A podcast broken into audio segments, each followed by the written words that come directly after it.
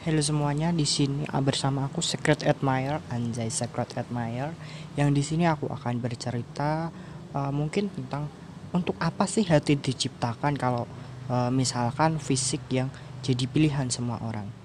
Jadi emang gak usah munafik ya yang namanya orang kan uh, pertama kali ketemu yang dipandang pasti fisiknya bukan hatinya. Orang pertama kali ketemu ya mandangnya fisik. Kalau mandang hati emang ronsen mata kita kan baratnya seperti itu.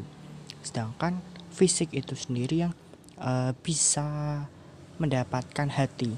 Apakah itu hati harta dan tahta anjay. Dan di sisi lain mendapatkan cinta cincin dan permata.